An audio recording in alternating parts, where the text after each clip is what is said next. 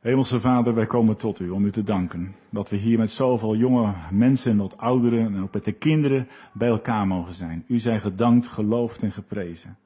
We zijn uh, zo verwonderd van over uw grote daden. Dat we in al die jaren, over al die jaren heen van deze conferenties ook mogen beleggen. Maar dat we elkaar mogen ontmoeten als mensen die uit totaal verschillende hoeken van de kerken van de christenheid komen om die ene naam rondom Jezus vergaderd te zijn. Om ons te verdiepen in geestelijk leven, in de relatie tot u, o God. En daarvoor willen wij u danken. Verwonderd zijn wij over uw grote daden. Terwijl de Satan tekeer gaat om mensenlevens te vernietigen, gaat u ook door met uw geest en genade en trekt u uit de duisternis tot uw wonderbaar licht tot op de huidige dag. Uw naam zij geloofd en geprezen. En nu zijn we hier weer samengekomen na het eten, na alle ontmoetingen die we gehad hebben. En dan bid ik voor Henk, of dat u Henk uw zegen wil geven, dat hij van die mooie dingen mag verkondigen over die vertrouwelijke omgang met u. Henk, hij kent die omgang met u. Hij heeft gezegd dat u hem verwend hebt in al die jaren. Dus zoveel genade ontvangen hebt. En ook al staat hij soms vroeg s'morgens op met de duistere gevoelens die hij heeft. U geeft hem dan toch weer licht. Dat hij op de dag weer van het licht mag getuigen en erin mag wandelen. Geef hem ook dat licht van uw geest, ook deze middag. Zodat hij mag getuigen van die verborgen omgang en die getrouwe omgang met u. Dat we dat met elkaar mogen delen. Schenk onze broeder uw geest, uw genade, uw nabijheid en dat we zo mogen genieten van u, o God en Vader, in Jezus Christus, uit genade. Amen. Dank je Simon. Nou, ik hoef niet veel over mezelf te vertellen, want dat heeft Simon al gedaan. Eén opmerking vooraf. Simon, dankjewel hè. Eén opmerking vooraf. Als jullie vragen hebben, dan stel ik het erg op prijs als je die vragen stelt. Uh, dat doet u, hè. En dat mogen hele scherpe vragen zijn. Daar heb ik het meeste aan, daar leer ik het meeste van. Want als u met een vraag komt, dan, dan denk ik, ja, is dit waar? Is dit meer waar als dat wat ik verteld heb? Dat kan allemaal. Dus komt u daar gerust mee. En ik denk dat er wel een gelegenheid komt om ze te beantwoorden. Zo niet, dan doen we het via de volgende samenkomsten die er zijn. Moet maar kijken hoe dat loopt. Maar als u echt een vraag hebt, ik zou het zo jammer vinden als u daarmee naar huis gaat, want dat is niet de bedoeling van de conferentie. Dat is mijn eerste opmerking. Mijn tweede is deze, wat hebben jullie een prachtig thema uitgekozen. De mooiste teksten toch, hè? Dus heren, vertrouwelijke omgang is met wie hem vrezen. Er staat niet onze vertrouwelijke omgang met God, zijn vertrouwelijke omgang met God. Dat is wat God zoekt. Hij wil vertrouwelijk met u omgaan. En wat hij van ons vraagt is dat we hem vrezen. Want hij is wel God. Dat is toch onvoorstelbaar. Een God hebben die met mensen vertrouwelijk om wil gaan. Wij komen daar nog verschillende keren op terug, denk ik. Maar dat is toch, dat is toch onvoorstelbaar, lieve mensen. Sorry, als je wat ouder wordt, word je wat sneller ontroerd. Vergeef mij, maar ik bedwing me. Maar je zal toch één zoon hebben. Zoals God en hem de dood injagen voor u.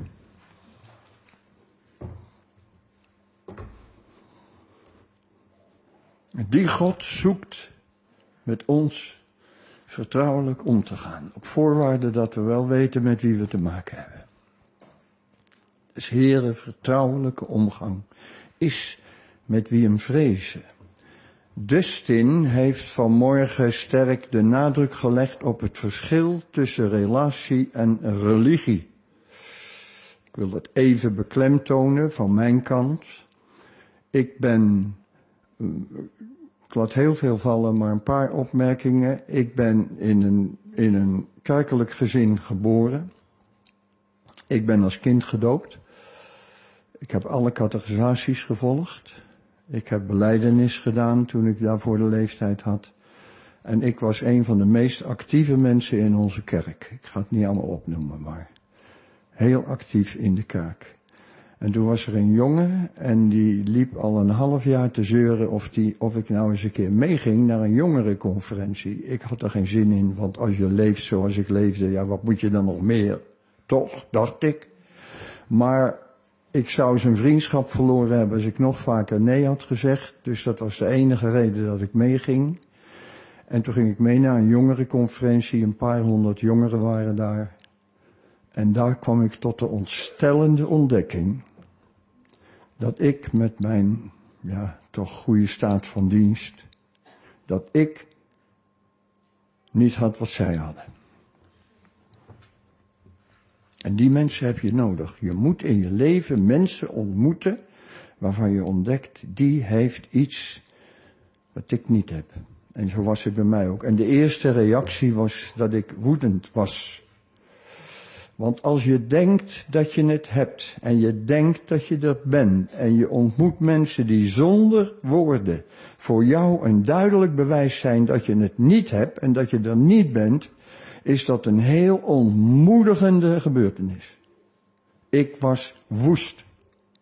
Ik had halverwege dat weekend een stoel willen pakken en ze allemaal om de oren willen slaan. Zo kwaad was ik. Want als ik naar binnen keek, moest ik gaan. Ik, ik kon natuurlijk keuze maken, dat heb je daarmee. Ik kon zeggen, ze zijn hier allemaal gek, ze zijn allemaal overdreven, allemaal overgeestelijk. We hebben er een aantal termen voor.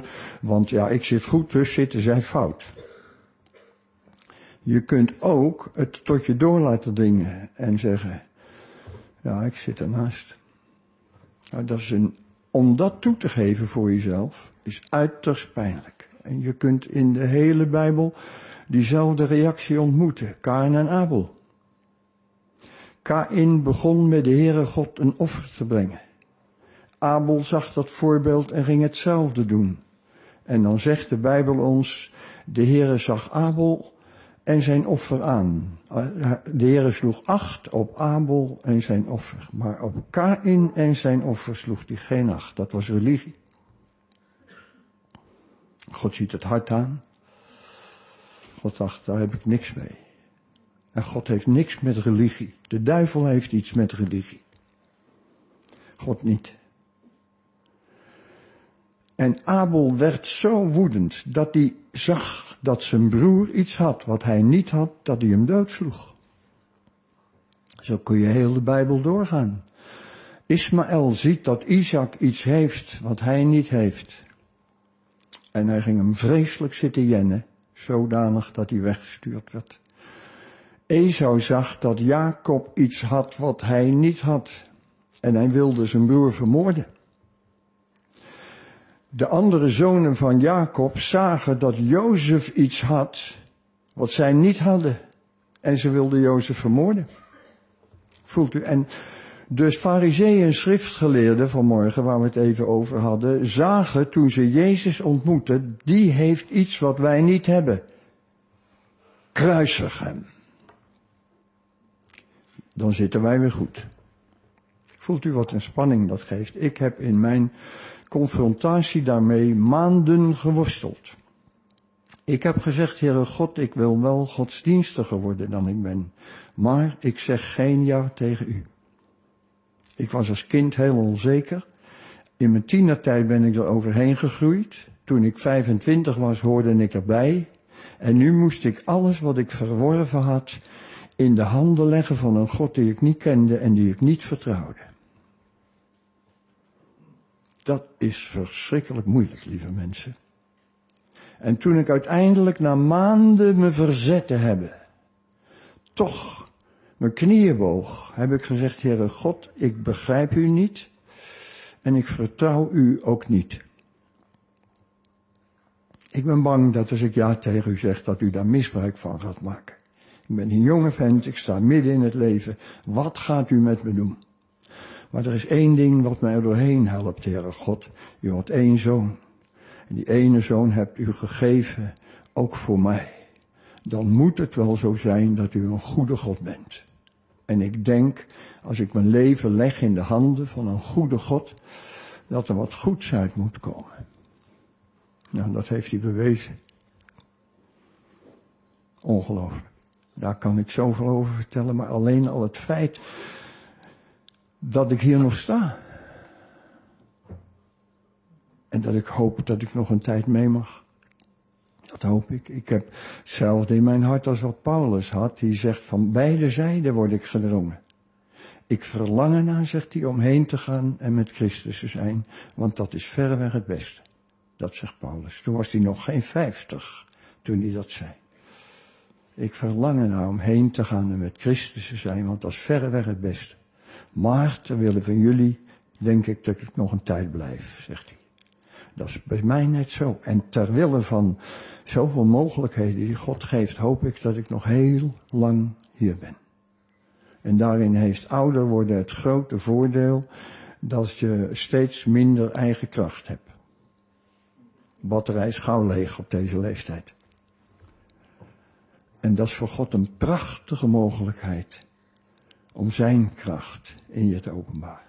Het is God en God alleen. Als ik van één ding overtuigd ben, dan is het, we gaan het na de samenkomst zingen, heb ik net gehoord. Ik zie er nu al naar uit, is zo'n mooi lied. God en God alleen. Nu naar Johannes, want ik heb ervoor gekozen, u weet, ik, ik, ik, heb het nog even hier. Ik heb een, uh, een boek geschreven en dat heet Het Meesterwerk van God. En dat is een, min of meer een uitleg over het boek Openbaring. Openbaring is een moeilijk boek. En dit boek kan u best wel wat helpen, denk ik, om meer openbaring te ontvangen. Ik ben er ontzettend dankbaar voor dat God mij dat gegeven hebt. In mijn voorwoord zeg ik onder andere, dit boek heb ik uit de hemel ontvangen. Want wie ben ik? En de titel heb ik uit de hemel ontvangen, want ik had een andere titel. En halverwege het schrijven legde God dit in mijn hart. En ik ben zo blij ook met die titel, want God is bezig met een meesterwerk. Dan ga ik in de derde samenkomst, morgenavond, als u er dan nog bent, wil ik daarover gaan spreken. God is bezig met een meesterwerk. En vanmiddag wil ik spreken over de schrijver van het boek Openbaring. U weet, daar staat in onze Bijbel boven openbaring van Johannes. God heeft het aan Johannes geopenbaard. En daarom willen we wat gaan nadenken over het leven van Johannes en over zijn verborgen omgang in eerste instantie met de Heer Jezus. Tweede instantie, zo kun je het niet helemaal zeggen, met God. Johannes kwam uit een gelovig gezin. Zijn moeder was een zeer gelovige vrouw. Er zijn in ons midden moeders. Besef je hoe belangrijk je bent? We zingen een oud liedje wat deze regel in zich heeft. Eens brachten de moeders hun kinderen tot Jezus. Als je moeder bent, mag je je kinderen bij Jezus brengen. Dat is niet simpel hoor. Want om te beginnen moet je dan een goede moeder zijn. Anders geloven je kinderen je niet. En al die momenten dat je geen goede moeder bent naar je kinderen, moet je bereid zijn om aan je kinderen vergeving te vragen voor dat wat je niet goed deed. Ik heb, ik ben geen moeder maar vader, ik heb heel wat keren aan mijn eigen kinderen vergeving gevraagd. En ik doe het nog als het nodig is. En als je die weg gaat, wil God, we gaan weer terug naar de moeders, die moeders gebruiken. En succes is niet gegarandeerd hoor. Ook niet in mijn gezin. Ik wil niet alles aan de grote klok hangen. Er zijn er die de Heer zeer toegewijd zijn. En er zijn er ook die hebben het op een akkoordje gegooid. Maar we zijn wel als vader en moeder ontzettend gek op ze. Op diegenen die de, de, de Heer echt volgen, maar ook op diegenen die verder weg blijven. Dat vind ik heel erg belangrijk. Nou, weer terug naar die moeders. Johannes had een prachtige moeder. Ik lees dat even met u uit Matthäus 20. Ook een prachtige vader. Maar even naar zijn moeder nu. Matthäus 20, vers 20, makkelijk onthouden. Waar we dit lezen. Matthäus 20, vers 20. Toen kwam de moeder van de zonen van Zebedeus, dat zijn dus Jacobus en Johannes, tot Jezus met haar zonen. Zie het voor je. Toen kwam de moeder van de zonen van Zebedeus tot hem met haar zonen. Jongens, jongens, kom op, ga mee. Ik ga de Heer wat vragen voor jullie. En ze, en ze boog zich voor hem neer om iets van hem te vragen. En hij zei tot haar, wat wilt u? Ze zei tot hem, zeg dat deze mijn twee zonen mogen zitten, één aan uw rechterzijde en één aan uw linkerzijde in uw koninkrijk. Dat is een moeder. Dat is het enige verlangen. Mijn kinderen zo dicht mogelijk bij u zijn. Heer, mag de een aan uw rechter, de ander aan uw linker. En de Heer neemt haar dat niet kwalijk als, oh wat een hoogmoedige vrouw, zo zeggen sommige mensen dat. Maar ze had zo'n geweldige bewogenheid voor haar kinderen. Ja, heer, ik wil u maar één ding vragen. één aan uw rechterhand en één aan uw linkerhand. Dat is het heerlijke van een moeder. Een goede moeder houdt van haar kind en zoekt voor de eeuwigheid het beste voor haar kind. Er zijn zulke mooie moeders in de Bijbel. Hè? Even uh, Jochebed, ik doe het niet, maar oh, dat vind ik een mooie. De moeder van Mozes. Dat is een mooie. Gaat u het maar lezen thuis. De moeder van Samuel, Hanna. Oh, joi, joi. Voelt u, wij zouden hier best een jaar lang bij elkaar kunnen komen om die moeders er even uit te lichten. De moeder van Jezus. Ze hebben hem nog maar net in de armen en dan zegt Simeon, er zal een zwaard door je hart gaan. En op een gegeven moment, 33 jaar later, staat ze op Golgotha en daar hangt hij. Die veelbelovende zoon van haar, daar hangt hij dood te bloed. Voelt u, de Bijbel heeft zoveel mooie moeders. Johannes had een mooie moeder. Daar gaan we even verder met zijn leven, want ja, ik denk dat Johannes tot geloof gekomen is, onder andere door zijn moeder. Hoe dat gegaan is, vertelt de Bijbel ons niet. Maar we gaan even naar het evangelie van Johannes. U weet waarschijnlijk dat Johannes nooit zijn eigen naam noemt. Dat kan ik goed herkennen. Daar heb je niet zo'n behoefte meer aan om zelf op de voorgrond te staan, maar een grote behoefte dat Jezus op de voorgrond staat. Als Corrie de Boom ging spreken, dan bad ze vaak voordat ze ging spreken, Heer, wilt u mij helpen om u niet in de weg te staan? Oh, we kunnen de Heer zo snel in de weg staan met preken. Wilt u mij helpen, Heer, om u niet in de weg te staan? Nou, hier is Johannes. En die, dat lees ik even met u uit het eerste hoofdstuk. De volgende dag zag uh, Johannes de Doper, daar gaat het hier over, zag Johannes de Doper Jezus tot zich komen. Is ook weer zo'n mooie man. Even uitleggen. Johannes de Doper was enig kind, hele oude ouders, vrij jong wees geworden, neem ik aan. En van Johannes staat er maar één zin in de Bijbel in het begin hier van het Johannes-evangelie. Johannes vertoefde in de woestijnen tot hij zich aan Israël openbaarde. Dat was zijn jeugd. Dat was zijn tienertijd. En Jezus zegt van hem, van alle mannen die uit vrouwen geboren zijn, is er niet één zo groot als Johannes. En tegelijkertijd zegt hij, en de kleinste, dat is het geheim van het koninkrijk, de kleinste in het koninkrijk is groter dan hij. Ook iets om over na te denken. Johannes de Doper, nou die is hier in de woestijn. Moet je nagaan, dat is toch geen plek om te verkondigen, want er zie je geen mensen. Johannes ging in de woestijn. Dan staat er in de Bijbel dat ze uit heel Jeruzalem, uit Samaria, uit Judea, allemaal naar de woestijn gingen. Want ze hadden gehoord, daar is een profeet, daar is een man Gods. Wat we nodig hebben, Simon, is een man Gods te zijn. En dan zal hij zorgen dat er mensen komen. Johannes de Doper was een man Gods. En ze gingen daar met grote aantallen naartoe om hem te horen. Jongens, daar is in de woestijn een man. Oh, ik kan van zulke dingen zo genieten. Elisa, even weer er tussendoor. Die komt in Sunem bij een vrouw en zij dringt erop aan dat hij blijft eten. Dus daar had eigenlijk, denk ik, Elisa niet zo, maar zij dringt erop aan, blijf nou bij ons eten, kom nou, kom. En hij doet het, en dan is hij weer weg, en dan komt hij regelmatig terug, en dan zegt ze tegen de man, zie, er komt bij ons iedere keer, en moet je kijken, dan zegt ze niet Elisa of een profeet, dan zegt ze, er komt bij ons regelmatig een heilige man Gods. Laten we voor hem een kamer bouwen en dan wordt er een logeerkamer voor hem gebouwd. Een heilige man Gods. Oh, wat is het heerlijk als God je gaat vormen. Met alle vallen en alle opstaan, dat weten we allemaal, maar toch.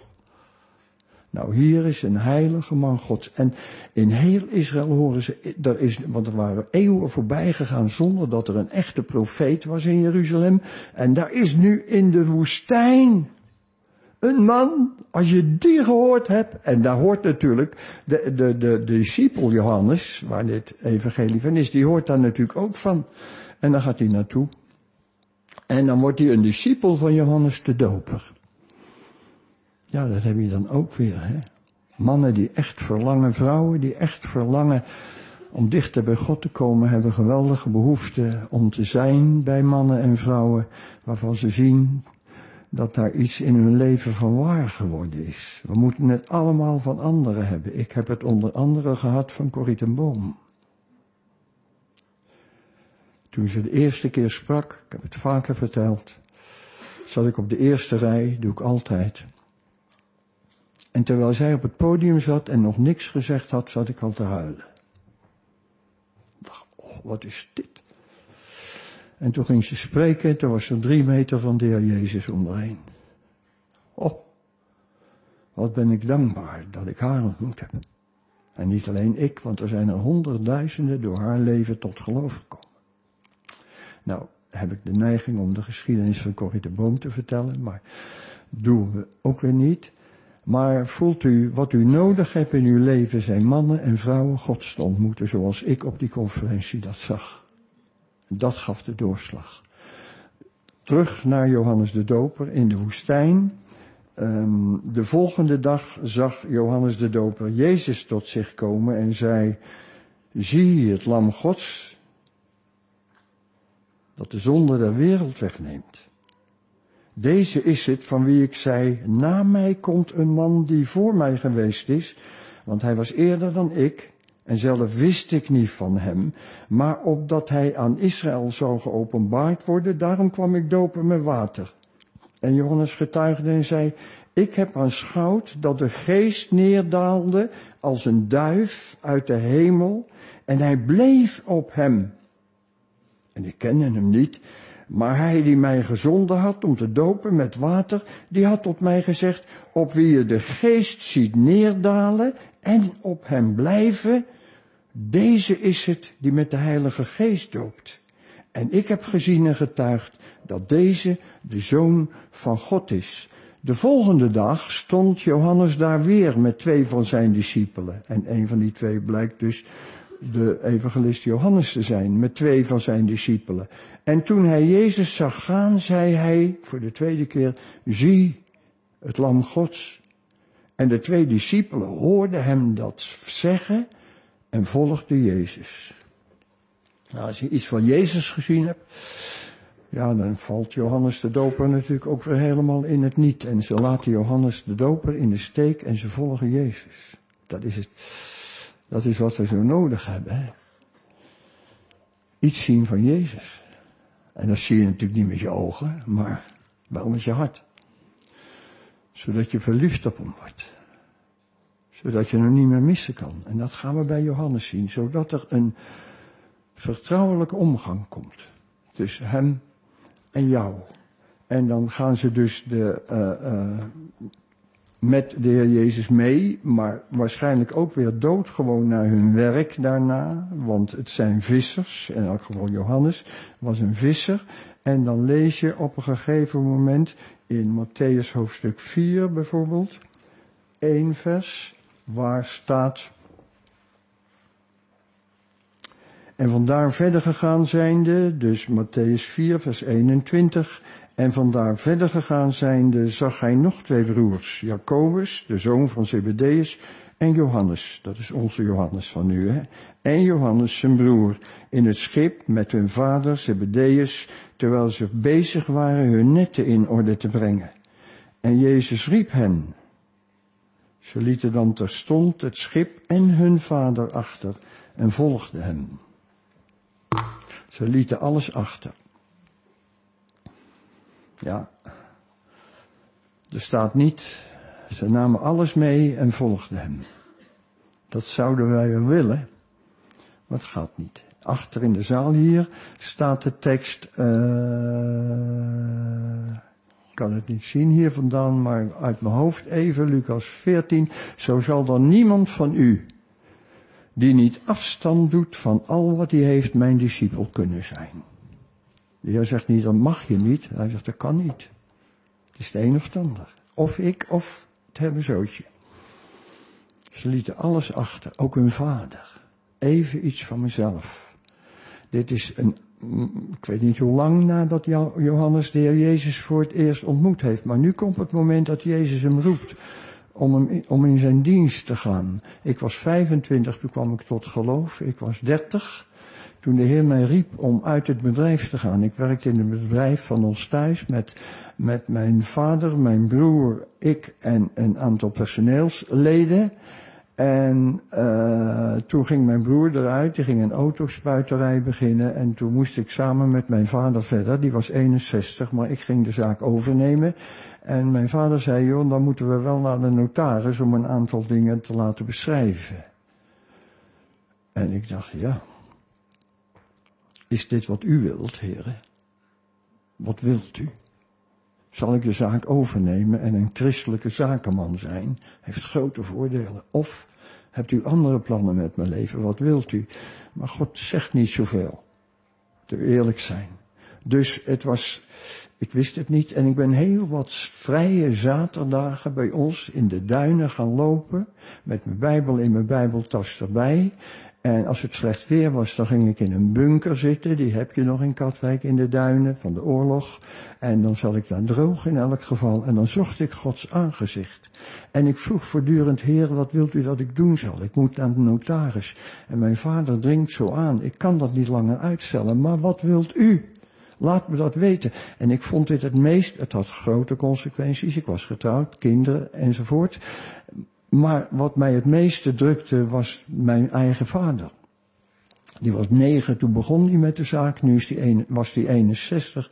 Hij wilde het aan mij overdoen. Ik kon er niet toe komen om hem in de steek te laten. Dat vond ik, en nog steeds, als ik eraan terugdenk. Dat vond ik zo zwaar. Dus, maar ik liep in de duinen en het liet me niet los. En op een gegeven moment zei ik tegen de Heere God, Heer, als u wilt dat ik dit offer breng, maakt u mij dat dan duidelijk, dan zal ik het doen. En toen sprak God en zei, ik vraag niks van je. Bied je wat aan. Dat is het hele evangelie in een notendop, lieve mensen. vraag niks van je. Wij denken altijd maar de. Dat is helemaal niet zo. De ware godsdienst is niet een dienst van de mens aan God. De ware godsdienst is een dienst van God aan de mens. Op voorwaarde dat hij van u kan maken wat hij voor ogen heeft. Aan zijn beeld en zijn gelijkenis. De ware godsdienst is niet een dienst van de mens aan God. De ware godsdienst is een dienst van God aan de mens. Voorwaarde dat hij van je kan maken wat hij voor ogen heeft. Gelijkvormig aan het beeld van zijn zoon. Dat is Gods meesterwerk. En dat is zo'n bevrijding. Kost het dan niks? Jawel, half jaar later was mijn vader overleden. En ik zal u er verder niks over vertellen. Maar als ik zeg dat God mij geweldig verwend heeft, dat zei Simon al, dan zeg ik er altijd ook bij, zei Simon geloof ik ook, dwars door de modder heen. En dan is de vraag, ja wat wil je? God zegt, vraag niks, ik bied je wat aan. Wat God aanbiedt is eindeloos veel meer dan wat het eventueel zal kosten. Wat God aanbiedt is natuurlijk, God biedt het aan. Ik vraag niks van je. Weet je wat aan? En dat hoop ik in uw hart te kunnen leggen. Kan ik niet, maar Gods geest kan dat. God vraagt niks van je.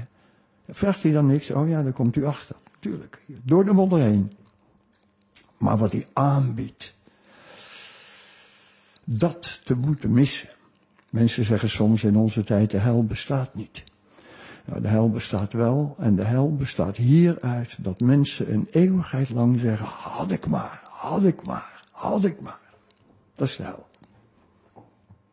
Ik heb het geweten. Ook mensen die zeggen God bestaat niet. Allemaal flauwekul, ze weten het allemaal.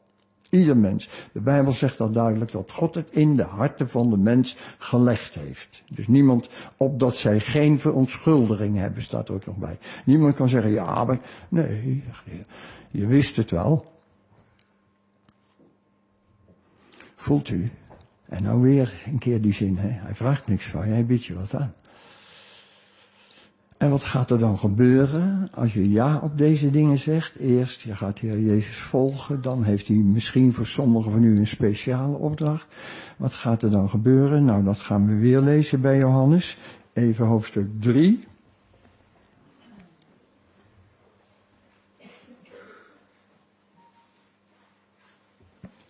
Hoofdstuk 3. Vers 1. Er was iemand uit de Fariseeën, wiens naam was Nicodemus, een overste van de Joden. Deze kwam des nachts tot hem. In de nacht dus. En het evangelie van Johannes heeft bijna uitsluitend geschiedenissen die je niet in de andere evangeliën tegenkomt. Dat zegt hij ook. Ik heb deze dingen opgeschreven, zegt hij, opdat je tot geloof komt. Maar deze dingen staan niet in de andere evangelie. Ik denk om de reden dat de anderen daar misschien helemaal niet bij waren. Dat het misschien wel, maar dat is een veronderstelling hoor, en daar kan ik naast zitten. Maar vooral Johannes was die erbij was. Het was s'nachts. Wat doe je s'nachts? Slapen. En ik kan me goed voorstellen dat de rest naar bed gegaan is. Ja, ja, het is een poeh, zware dag gehad. Johannes niet. Hoe was dat met Johannes? Heeft Johannes gezegd, heer, mag, mag ik erbij blijven? Of heeft Jezus gezegd, Johannes, wil jij erbij blijven? Weten we niet. Vragen we allemaal later. Maar, Kent u dat? Johannes was liever bij Jezus dan dat hij sliep, dan dat hij op bed lag. Vertrouwelijke omgang met hem vraagt soms een stukje van de nacht, van onze nachtrust. Ik sprak in België voor een paar honderd uh, uh, jonge mensen en die hadden een weekend zoals wij dat hebben, maar ze waren begonnen op vrijdagmorgen en ik sprak op zondagmorgen. En toen ik er aankwam, zagen ze er allemaal een beetje slaperig uit. En de een was nog trotser dan de ander en kwam naar mij toe om te zeggen, vannacht om vier uur pas naar bed gegaan. En de ander was om vijf uur pas naar bed gegaan. Geweldig. En toen ik moest spreken, zaten ze niet voor me, maar ze hingen voor me. En toen heb ik ze onderuit de zak gegeven. En ik heb gezegd, jongens, dat jullie dat op een weekend doen, het zij je vergeven. Maar als dit jullie levensstijl is, komt er van jullie geestelijk leven niets terecht. Want als je een discipel van de Heer Jezus wil zijn, moet je discipline kennen. Dat zit in het woord. Uh, ik heb mijn preek afgemaakt. Ik ben er nooit meer gevraagd. Een week of vier daarna kreeg ik een brief van een student uit België. En die zei, ik was op zondagmorgen in die samenkomst waar u sprak. En ik was woedend op u. Zo kwaad ben ik naar huis gereden. Zeg maar, naarmate ik dichter bij huis kwam, dacht ik, hij heeft wel gelijk. Ze zeggen, toen heb ik de Heer beloofd, Heer, ik ga elke morgen mijn wekker een uur eerder zetten. Om een uur te hebben om uw aangezicht te zoeken. En ze schreef, ik heb in die vier weken al zoveel zegen ontvangen. Nicodemus kwam in de nacht En Johannes was erbij. Lieve mensen, we hebben het over een vertrouwelijke omgang met hem. Ik ga u geen vragen stellen, ik wil alleen maar aanbieden. Hij vraagt niks van u, hij biedt u wat aan. Hij biedt u aan een vertrouwelijke omgang met hem. Soms kost dat een stukje nacht. Hoofdstuk verder bij Johannes. En dat geeft te kennen dat Johannes eigenlijk niet zo bij de Heer Jezus weg te krijgen was. In hoofdstuk 4 van Johannes lezen we in vers, hoofdstuk, wat heb ik gehad? 4 heb ik nog niet gehad. Oh, 4. Uh, daar lezen we, toen nu, nee, die tekst sla ik over, Jezus moest door Samaria gaan, vers 4 en 5. Hij kwam dan in een stad van Samaria, genaamd Sigar, dicht bij het veld dat Jacob aan zijn zoon Jozef gegeven had. Daar was de bron van Jacob. Jezus nu was vermoeid. Dat bemoedigt mij altijd even, ertussendoor. Jezus was moe. Oh. Maar toen hij haar zag, was hij in ene keer klaar wakker. En werd hij gedreven door een innerlijke kracht die alle moeite deed en vermoeidheid deed vergeten. Mooi hè. Jezus was moe en hij was bij de put gaan zitten. Uh, hij was vermoeid van de tocht en bleef zo bij de bron zitten. Het was ongeveer het zesde uur, dat is middags om twaalf uur. Uh, er kwam een vrouw uit Samaria om water te putten. Jezus zei tot haar, geef mij te drinken. Want zijn discipelen waren naar de stad gegaan om voedsel te kopen, op één na. Johannes niet, die gaat ons dat hele gesprek beschrijven. Voedsel. Als ze straks komen met dat brood en zeggen, Heer, hier is eten. Dan zegt hij, ach, ik heb een spijs waarvan jullie niet weten. Ik heb net een vrouw. Die vijf keer getrouwd geweest is. En nu een man heeft die een man niet is. Een Samaritaanse vrouw. Die heb ik net bij mijn vader in de hemel mogen brengen. Wat moeten jullie dan met brood? Ik heb een spijs waarvan jullie niet weten. Wat denk je nou dat lekkerder is? Brood of iemand bij de Vader in de hemel brengen? Iemand die zo verknipt is.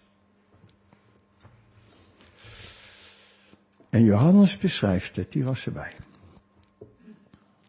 Heerlijk dat hij niet zoveel belang had bij brood. Dat komt allemaal wel. Morgen kunt u weer eten enzovoort. En, maar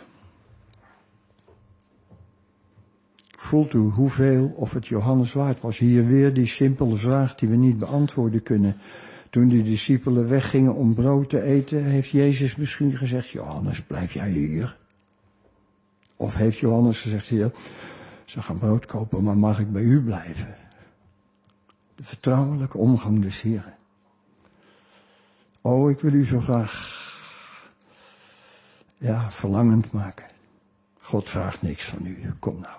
En zolang uw stille tijd nog ligt in de sfeer van, ja, ik moet eigenlijk stille tijd houden, ik moet eigenlijk mijn Bijbel, wordt het natuurlijk niet veel. Je moet de smaak te pakken krijgen. Iets wat je graag doet, vind je altijd tijd voor. Dat geef je voorrang. Net zo goed als dat meisje in België. Voelt u, en ik wil zo graag dat u dat krijgt. Daarom ben ik zo blij met het thema, dat u die vertrouwelijke omgang met hem krijgt. En uh, uh, nogmaals, wij kunnen hier niet op ingaan, op dit hoofdstuk, maar ik heb er vaak over gesproken. Ik, uh, als ik het thuis lees, kan ik het bijna niet lezen met droge ogen. God, wat is dat mooi! Ik heb van de week, ik ga dat niet vertellen, maar ruzie gehad met een mevrouw. En gisteren kon ik het goed maken. Oh. En ik heb tegen haar gezegd, is het nou weer goed tussen jou en mij? En ze knikte. Oh, wat is dit mooi. Wat een geschiedenis. Hij moest door Samaria gaan voor die, dat was niet de, de bedoeling van Joden, want die gingen niet om met Samaritanen. Hij moest in de hemel, zei ze, wij willen je gaat. Dat hoefden ze niet zo te benadrukken, want hij stond heel erg open voor de hemel. Voor die ene vrouw. Ach, wat is de Bijbel mooi. Dat wil ik even nog benadrukken. Straks gaat u met elkaar in gesprek en dan komen er vragen over de Bijbel. Wat een mooi boek, hè. Weet u, God heeft maar één boek geschreven. Sommigen van ons schrijven meer boeken, God niet één. Eén, dat was genoeg. En kom straks nog even terug als ik naar openbaring ga. God heeft maar één boek geschreven. Heeft hij alles ingezegd wat er gezegd moest worden. En daarom bent u natuurlijk zo gek op dat boek. Daarom bent u bijna onafscheidelijk met dat boek. Dat hebt u altijd bij u. Dat is, dat is Gods dagboek aan u. Daar kleurt u in, daar onderstreept u in, daar zet u data in, daar, daar, kortom, dat is een boek geworden. Dit, dit valt bijna uit elkaar, maar een lieve dame heeft voor mij een kaft gemaakt, dus ik houd bij elkaar. En waarom neem ik niet een andere Bijbel? Want dat kan maar zo. Ik heb er nog twee staan van hetzelfde soort, maar ik ben al zo verschrikkelijk gehecht aan deze. Er staat zoveel in door die loop van de jaren. Zoveel dat ik dacht, oh ja, wat mooi, dat moet ik even erbij schrijven. En dan die, bent u ook zo gek op dat boek? God heeft er maar één geschreven hoor. Eén. Dat was genoeg. Er staat alles in wat je weten wil over God. En hoe die met jou en mij omgaat. Oh, wat een boek, wat een boek. Ik wil u zo graag enthousiast maken hierover. Een oprecht kind van God is zo gehecht aan het boek van God. Terug weer naar Johannes, eentje nog. In het volgende hoofdstuk, hoofdstuk 5, dat begint met deze woorden. En dat toont weer aan dat Johannes niet van de Heer Jezus weg te krijgen was. In hoofdstuk 5, vers 1. Daarna was er een feest der Joden en Jezus ging op naar Jeruzalem. Een feest, er was dus een feest. En Jezus ging op naar Jeruzalem. Nu is er in Jeruzalem bij de schaapspoort een bad dat in het Hebreeuws de bijnaam Bethesda draagt met vijf zuilengangen. Daarin lag een menigte zieken. En daar ging Jezus naartoe op een feestdag. Jezus had niet zo'n behoefte aan een feest. En Johannes ook niet. Mooie, mooie gedachte voor jonge mensen. Wij hebben 937 festivals per jaar in Nederland. Nou, dan kun je je genoegen wel aardig kwijt als je jong bent. Jezus niet. Johannes ook niet. Weer diezelfde vraag, Johannes, wat doe je? Heer, mag ik bij zijn? Graag, Johannes. En Johannes geeft een verslag wat niet in de andere evangelie staat. Heer, mag ik bij zijn? Nog even verder met Johannes, um, hoofdstuk 13. Johannes noemt zijn eigen naam nooit. Hij spreekt wel vier keer over de discipel die Jezus lief had. Hoofdstuk 13, even een tekst eruit. Daar heb je het laatste avondmaal met de voetwassing. En dan staat er in 21, hoofdstuk 21 dat uh, uh, zegt de Heer Jezus, na deze woorden werd Jezus ontroerd in de geest. Hij was dus, uh, hij huilde van binnen. En hij getuigde en zei, voorwaar, voorwaar, ik zeg u, één van u, één van de discipelen, zal mij verraden. Hij kon het niet zeggen met droge ogen. Hij is drieënhalf jaar met me opgetrokken. Hij werd ontroerd in de geest. Eén van jullie gaat mij straks verraden. En dan gaat het verder met deze woorden. De discipelen zagen elkaar aan in het onzekere van wie hij sprak. En een van de discipelen, die Jezus lief had, heb je hem, lag aan de boezem van Jezus. U weet, ze, ze zaten niet aan tafel, ze lagen in een kring met hun hoofd op hun linkerarm gesteund en op hun zij, dus op hun linkerzij. En er was maar één plekje aan de boezem van Jezus. Weer die vraag. Heeft Johannes gezegd, Heer, mag ik daar? Of heeft Jezus gezegd, Johannes, kijk, dat is nou, dat is nou waar wij het over hebben.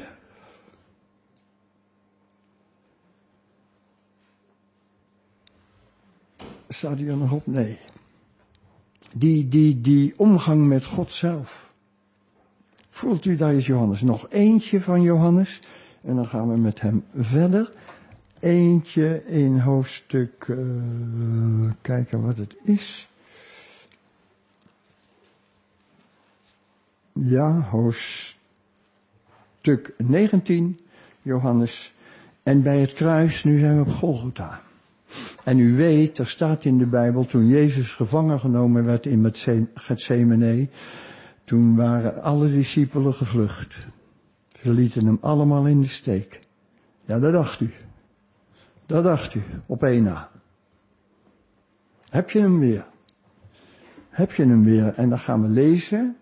En bij het kruis van Jezus stonden zijn moeder en de zuster van zijn moeder, Maria van Klopas en Maria van Magdala. Toen dan Jezus zijn moeder zag en de discipel die hij lief had bij haar staande. Gaat u naar Golgotha, heer? Mag ik mee? Ik ben het, het woordje even kwijt, oh vertrouwelijk. Vertrouwelijke omgang. Hem volgen als het moeilijk wordt. Als je de modder ingaat, die zeggen, ja, dat, eh, nu neem ik afstand. Dat is wel, gaat mij te ver. Hem volgen. Hij zag drie vrouwen. En de discipel van wie hij zoveel hield. Vertrouwelijk, hè? Mooi, hè? Nou, die Johannes heeft drie brieven geschreven later, toen de Heer Jezus naar de hemel gevaren was. Even een tekst uit de eerste brief van Johannes, het eerste hoofdstuk, waar hij zegt in vers 3 aan het eind, en onze gemeenschap met de Vader en met zijn Zoon Jezus Christus, en deze dingen schrijven wij u opdat onze blijdschap volkomen zij. Gemeenschap met de Vader en met de Zoon. En Johannes zegt, er is niks waar je zo blij van kan worden als dat. Omgaan met de Allerhoogste. Vertrouw Hij die een vertrouwelijke omgang wil hebben met jou. Deze dingen schrijven wij opdat onze blijdschap volkomen zij. Nogmaals, zolang het ligt in de sfeer van plicht, dan moet je doorheen en daar kom je doorheen. Totdat je blijdschap volkomen is bij iedere gelegenheid dat je naar je kamer kan gaan om hem te zoeken en zijn woord te lezen. Ik vraag niks voor je. Bied je wat aan. Nog een tekst uit diezelfde Johannesbrief, hoofdstuk 4, vers 17, waar dit staat. Um, er is in de liefde, vers 18, hoofdstuk 4, vers 18, er is in de liefde geen vrees. Maar de volmaakte liefde drijft de vrees uit, want vrees houdt verband met straf. En wie vreest is niet volmaakt in de liefde. Onze tekst zegt, de vertrouwelijke omgang des Heren is met wie hem vrezen. Johannes gaat toch een stap verder en zegt, dat gaat over, jongens. Je zult altijd eerbied voor hem blijven houden. Maar dan gaat iets zo vertrouwelijks groeien, dat ik jullie durf te zeggen, er is in de liefde geen vrees. Maar de volmaakte liefde drijft de vrees uit. Want vrees houdt verband met straffen. Wie vreest is niet volmaakt in de liefde. Voelt u de spanning tussen die twee? Allebei vasthouden. Allebei. Dus de vertrouwelijke omgang des Heren is met wie hem vrezen. En tegelijkertijd, er is in de liefde geen vrees. De volmaakte liefde drijft de vrees uit, want vrees houdt verband met straf. En wie vreest is niet volmaakt in de liefde. Mooi hè? Nou blijkt toch dat dat vertrouwelijke niet alleen van de kant van God komt, maar dat er ook van jouw kant iets van vertrouwelijks mag zijn, zonder oneerbiedig te worden. Nou, nou gaan we naar het laatste Bijbelboek en dat is, daar staat natuurlijk boven, Openbaring van Johannes. Daar heb ik dus een boek over geschreven, Openbaring van Johannes. En ik dat is ook weer mijn leeftijd. Ik probeer heel graag om dingen te bekijken vanuit de hemel. Hoe zou dat nou gegaan zijn in de hemel? Dat weten we niet, daar moet je over fantaseren. Maar je kunt dat op een redelijk verantwoordelijke manier doen, vind ik. Ik denk toen, het nieuwe, toen de Bijbel werd samengesteld, of samengesteld zou worden, want dat gebeurde later. Dat misschien, maar dit is fantasie hoor. Dus als je zegt, dan doe je het maar weg. Maar ik vind het zo heerlijk om over de hemel te fantaseren. Ik probeer verantwoord te doen. Ik kan me voorstellen dat Jezus heeft gezegd, vader, straks dan komt uw woord uit de Bijbel. Maar naar mijn gevoel ontbreekt er nog een boek aan. Daar staat eigenlijk toch, ik heb er al over gesproken, zegt Jezus, toch te weinig in over de toekomst en over de eindtijd. Vindt u het goed als er nog een boek bij komt? En ik denk dat de vader zegt, natuurlijk, maar hoe wil je dat doen? Nou, dat wil ik aan iemand gaan openbaren. En de vader heeft misschien gezegd, aan wie dan?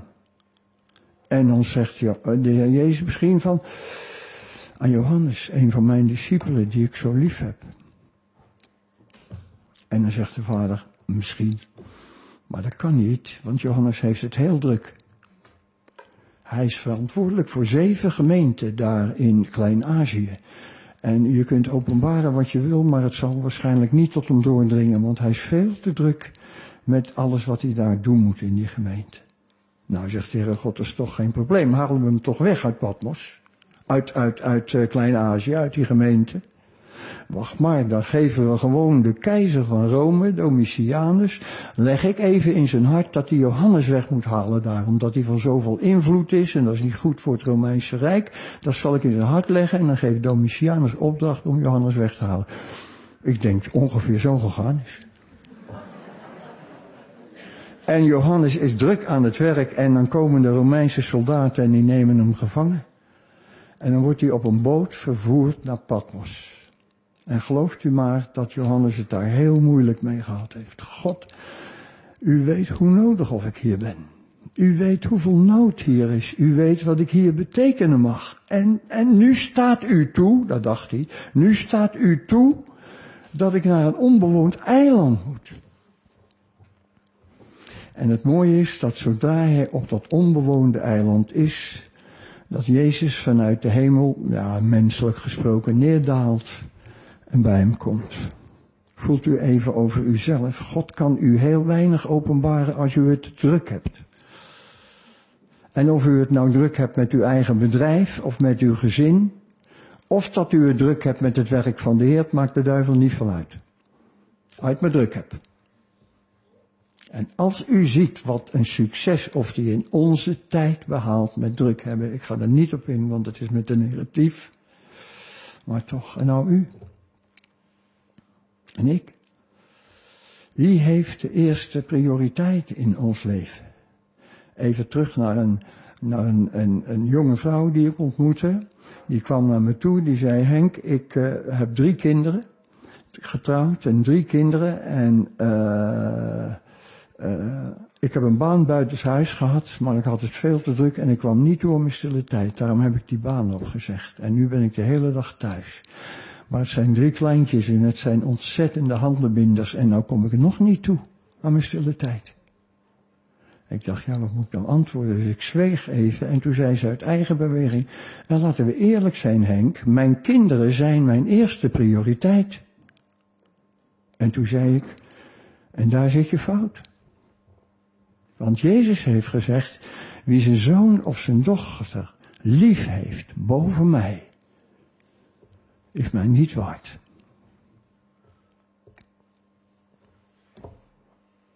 En ik heb er gezegd, ik garandeer je dat als jij Jezus de eerste plaats in je leven geeft, dat jouw kinderen daar geweldig door gezegend zullen worden. Want een moeder hebben die dicht bij de Heer Jezus leeft en Jezus de eerste plek geeft, je zal maar zo'n moeder hebben, zo'n moeder als Johannes had. Heer, macht één aan je linkerkant moeders van de mogelijkheden. Maar dan moet je hem de eerste plek geven in je leven. Niet andersom. Dan doet u uw kinderen tekort. Je doet de Heer tekort, maar je doet ook je kinderen tekort. Het grote geheim ligt in dat omgaan met Hem, waardoor je veel waardevoller wordt voor je eigen kinderen. Nou, dit is Johannes. Ik ben ik, uh, hoe zit het met de tijd? Vijf minuten.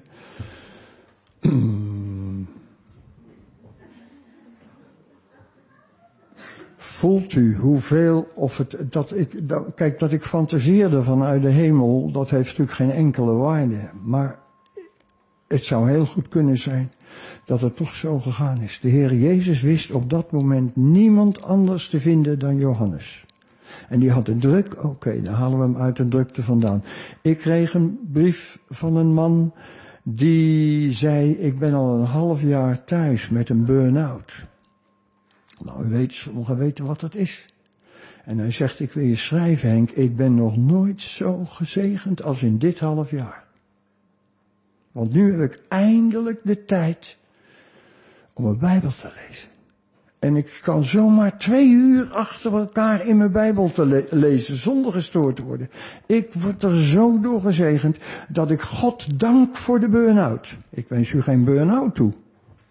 Maar toch. Johannes werd weggehaald uit het werk des Heren, want de Heer van het werk wil meer aandacht dan het werk van de Heer. De Heer van het werk is belangrijker dan het werk van de Heer. En daar zult u een goede weg in gaan vinden, maar toch. Even nog, en laat ik, dan blijf ik dus binnen mijn vijf minuten. Even een voorbeeldje wat ik in mijn boek ook schrijf. Dat was een jongetje. En die ging naar de kamer van zijn vader, want zijn vader werkte thuis. En uh, die deed de deur open, maar zijn vader was net aan het bellen. Dus die zag die deur open gaan, die deed alleen maar zo. Zo van, ik ben aan het bellen. En dat jongetje deed de deur weer dicht. En ging weg en een kwartier later ging de deur weer open. En zijn vader zag, hè, daar komt hij weer. En die zei, nu niet, ik, ik moet zoveel dingen nog doen, nu niet. En het jongetje deed de deur dicht en ging weer weg. En na een kwartier deed hij weer de deur open. En probeerde hij het weer een keer. En toen zei zijn vader een beetje geïrriteerd, nou, kom dan maar. En toen het jongetje de was, zette hij hem op zijn knie en zegt, nou, wat wil je vragen? En het jongetje zei, ik wil helemaal niks vragen. Ik wil alleen maar bij u zijn. Ken je dat? Zo'n ogenblik stil zijn. Vader, dat is wat u in ons hart wil leggen, dat we alleen maar bij u willen zijn. We hebben niet zoveel te vragen. En we beseffen ook, Heer, dat als we later u zullen zien, al hebben we duizend vragen, zijn ze in ene keer allemaal weg. Want u bent daar. O God, we danken u voor Johannes. We u dat we dat boek door uw genade aan hem te danken hebben.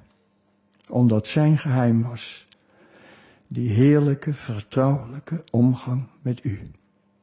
O God, bidden u zo, Heer, dat u hier vanmiddag mensen in hun hart kunt raken. Niemand van ons kan dat, u alleen. En dat u in een hart dat diepe verlangen legt, niet om zo eens een keer, maar om dit soort leven te leven. Een leven vanuit de vertrouwelijke omgang met u waarvan ze zo de smaak hebben dat al die andere dingen naar de achtergrond verdwijnen. Zoals een prachtig liedje dat zegt, richt je oog toch op Jezus. Zie op naar zijn heerlijk gelaat. En het aardse wordt dan zo wonderlijk vaag als we zelf in uw glorielicht staan. Heer, u kunt ons alleen diep in ons hart grijpen, zodat we voor de rest van ons leven maar één passie hebben. En dat is uw vertrouwelijke omgang met ons. En u zult ons in dit leven maken wat we in alle eeuwigheden zullen zijn. En uw woord zegt dat als wij met een aangezicht waarop geen bedekking meer is, de heerlijkheid des Heren als in een spiegel aanschouwen, dan veranderen we naar datzelfde beeld. Van heerlijkheid tot heerlijkheid, immers door u die geest bent. God, doe ons inzien dat het maar op één ding aankomt en de rest komt dan allemaal op zijn plek.